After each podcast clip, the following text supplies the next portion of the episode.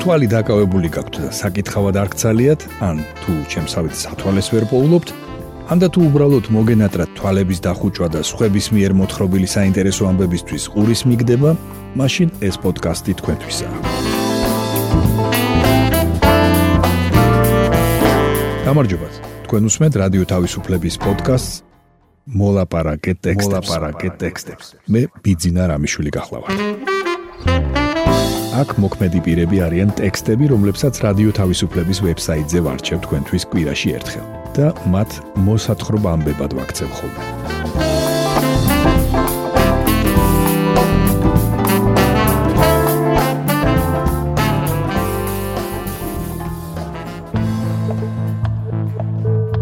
მოგითხრობთ როგორ ასრულდება მარო მაყაშვილის ოცნება.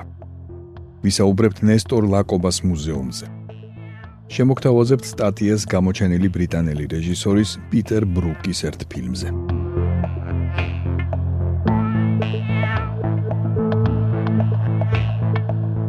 მუსმინეთ ეკა ქევანიშვილის სტატია მარო მაყაშვილი ევროპაში მიდის.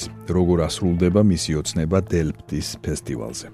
5 აგვისტოს ჰოლანდიის ქალაქ დელფტში კამერული მუსიკის ცნობილ ფესტივალზე საქართველოს ეროვნულ გმირს მარო მაყაშვილს გაიცნობენ. მაყურებელი სპეციალურად ამ ფესტივალისთვის მაროზე შექმნილ მონოდრამას ნახავს.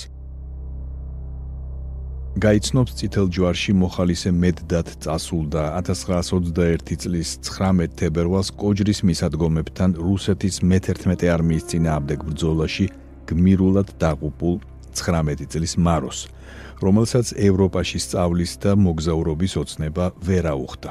გაიცნობს 100 წლის წინანდელ საქართველოსაც, რომელიც თავისუფლებისთვის იბრძოდა. მონოდრამის ტექსტი ქართველმა მწერალმა და მთარგმნელმა სალომე ბენიძემ დაწერა. მაროს საოპერო პარტიას ქართველი მეცოსოპრანო ნანა ძიძიგურიში ასრულებს. კომპოზიტორია ჰოლანდიელი თომას ბაერი, რეჟისორი გერმანელი დრამატურგი კლაუს ბერდიში. დაუკრავს პოლონური სიმებიანი კვარტეტი. ხოლო ფორტეპიანოს პარტიას შეასრულებს ასევე ცნობილი პიანისტი ნინო გვეტაძე. რომელიც დელფტის ფესტივალის სამხატვრო ხელმძღვანელია.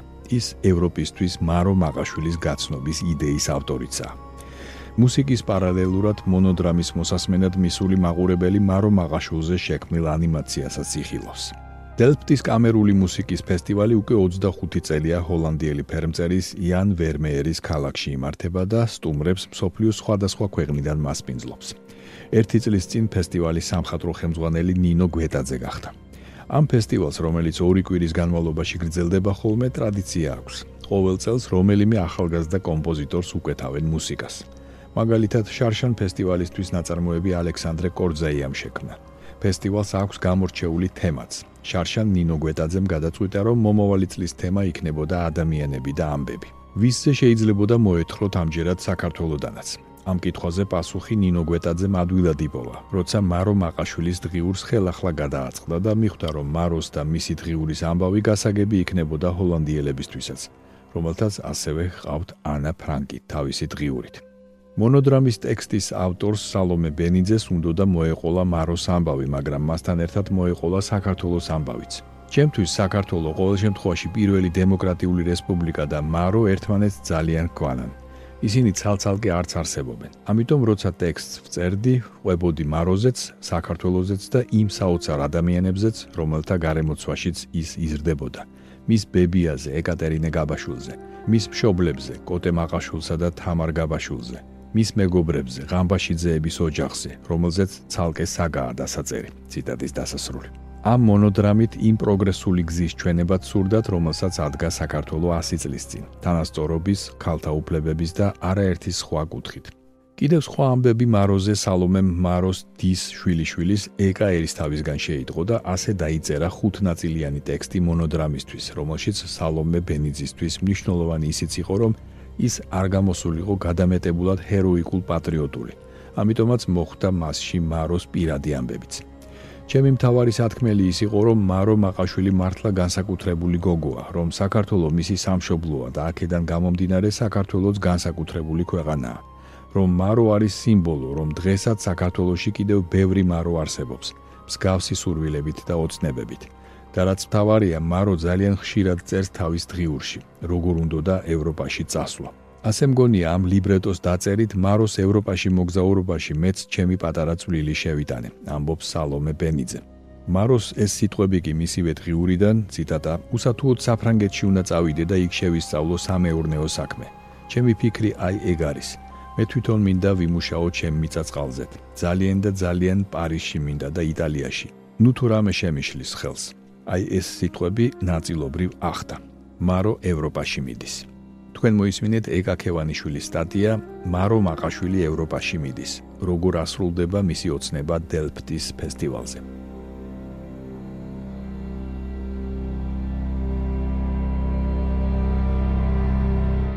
თქვენ უსმენთ პოდკასტს მოლაპარაკე ტექსტებს.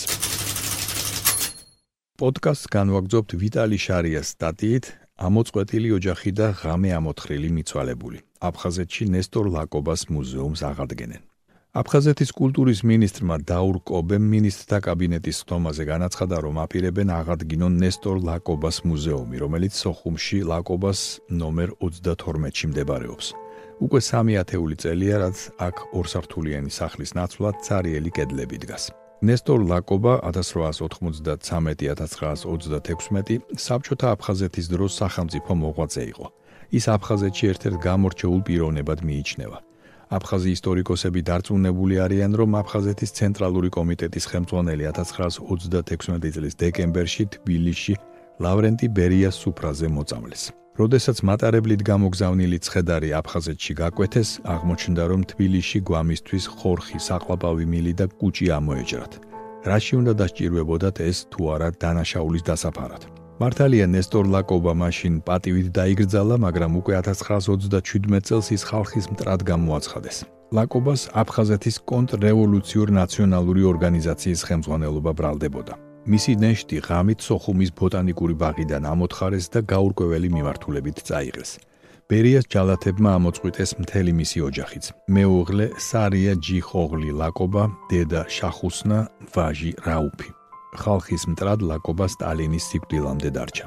ანუ 2 ათეული წელი. რეაბილიტირება მხოლოდ ამის მერე მოხერხდა. მისი სახელი ეწოდა ქუჩებს, სკოლებს. 1983 წელს ლაკობას დაბადებიდან 90 წლის აღსანიშნავად მისი სახლ-მუზეუმიც გაიხსნა. ამ სახლში ის 1923-1926 წლებში ცხოვრობდა, მაგრამ მუზეუმს დიდხანს არ უმშავია. ომი დაიწყო. 8 წლის წინ მუზეუმი ისევ გახსნეს. წელს კი 28 ივნისს აქ გამართა გამოფენა, რომელიც ნესტორ ლაკობას შვილის რაუფის ხსოვნას ეძღვნებოდა. მას 100 წელი შეუსრულდებოდა. ექსპოზიცია, რომელშიც ოჯახის 80-ზე მეტი ფოტო შედიოდა, აგურის კედლებზე იყო განთავსებული. 1937 წლის 31 ოქტომბერს დაბატიმრებული რაუფი 4 წლის განმავლობაში სოხუმის, თბილისისა და მოსკოვის ციხეებში იმყოფებოდა. მას აწამებდნენ, მასთან ერთად აწამებდნენ მასზე უმცროს ნიკოლაი ლაკობას, თენგიზ ლაკობასა და ნიკოლაი ინალ იპას. მათ საქმეს ასევე ერქვა: აფხაზი ყმაწვილების საქმე. დაპატიმრებულები 13-15 წლისანი იყვნენ. ბრალიედებოდათ კონტრრევოლუციურ ტერორისტულ საქმიანობაში. 1941 წლის 6 ივლისს საბჭოთა კავშირის უზენაესი სასამართლოს სამხედრო კოლეგიამ რაუბს ნიკოლაისა და თენგის დახვრეტა მიუსაჯა. 28 ივლისს სასჯელი სისრულეში მოიყვანეს. თქვენ მოისმინეთ ვიტალი შარიას სტატია ამოწყვეტილი ოჯახი და ღამე ამოთხრილი მიცვალებული. აფხაზეთში ნესტორ ლაკობას მუზეუმს აღადგენენ.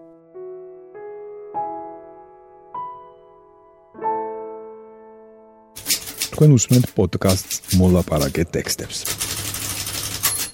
პოდკასტის ბოლოს გთავაზობთ გოგი კვახარიას სტატიას პიტერ ბრუკის პუტინიზმი. მასში საუბარია რეჟისორ პიტერ ბრუკის ფილმზე ბუსთა ბატონი. პიტერ ბრუკი გარდაიცვალა, დიდი რეფორმატორი, კაცი, რომლის შემოქმედება მე-20 საუკუნის კულტურის თავისებური სარკეა, რომელმაც გააცოცხლა და გააბრაზა არა მარტო თეატრალური ხელოვნება, არამედ თეატრის მაყურებელიც. პიტერ ბრუკისთვის თეატრი არასდროს გადაქცეულა ვიწრო სივრცეთ, მაყურებლისგან რამპით გამიჯნულ სცენად. თუმცა რამპას ის თეატრის ენისთვისაც უარყოფდა. მუდმივად ამდიდრებდა სასცენო კულტურას ხელოვნების სხვა დარგებით, მათ შორის ცხადია კინოთი. ბუსთა ბატონი ძალიან მოეწონა ნობელის პრემიის ლაურეატს უილიამ გოლდინგს 1954 წელს გამოცემული ამავე სახელწოდების ციგნის ავტორს.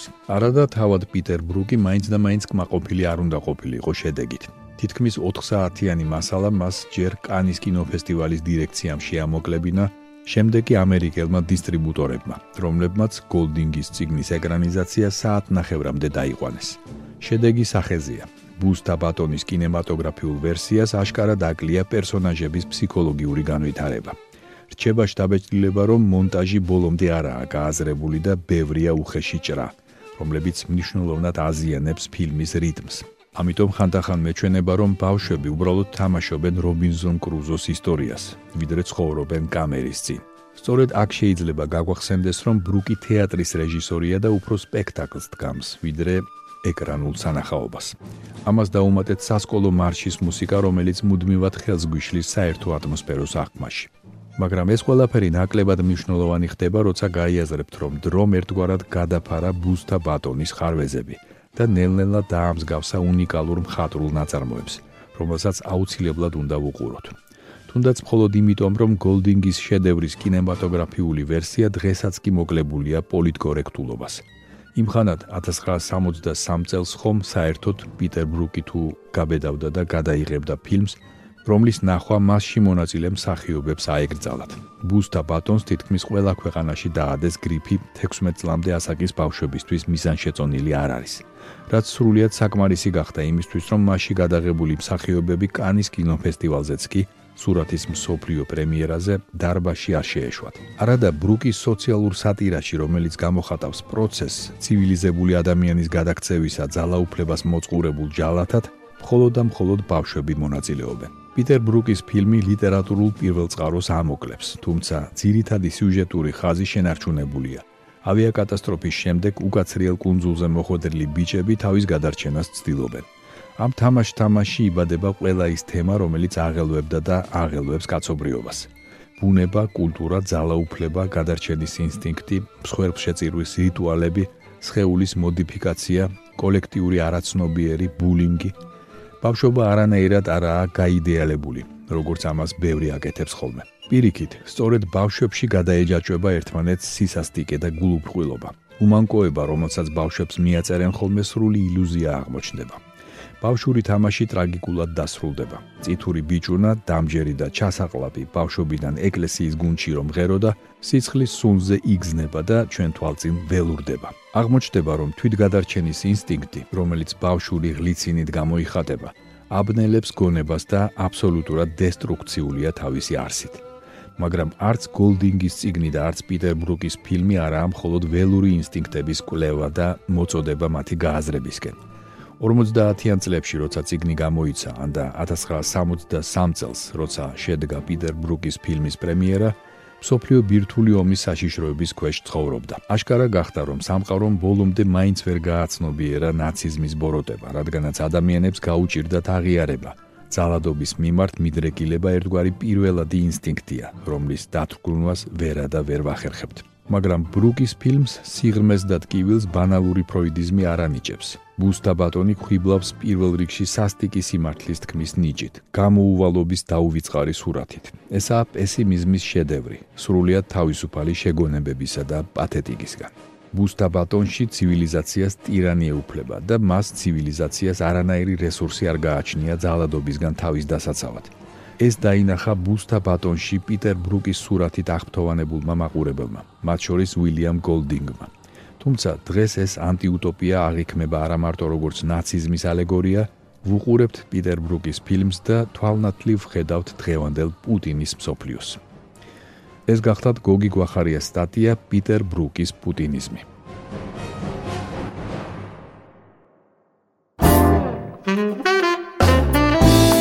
თქვენ მოისმინეთ რადიო თავისუფლების პოდკასტი მოლაპარაკეთ ტექსტები. მე კვირაში ერთხელ ვარჩევ რადიო თავისუფლების ვებსაიტზე გამოქვეყნებულ ტექსტებს და მათ მოსათხრობამდე ვაქცევ ხოლმე. ჩვენი პოდკასტი შეგიძლიათ გამოიწეროთ, ჩამოტვირთოთ ან მოისმინოთ პირდაპირ რადიო თავისუფლების ვებსაიტზე. მისი მისამართია რადიო თავისუფლება.ge. თუ ჩემი მიერ მოთხრობილი ტექსტები სრული სახით დაგაინტერესებთ, მათი მოძებნა იულია. ვებსაიტზე, პოდკასტის გვერდზე იპოვეთ ყოველ ცალკეულ პროგრამაში მოთხრობილი ტექსტების ბმულებს. მე ბიძინა რამიშვილი ვარ. მომავალ შეხვედრამდე.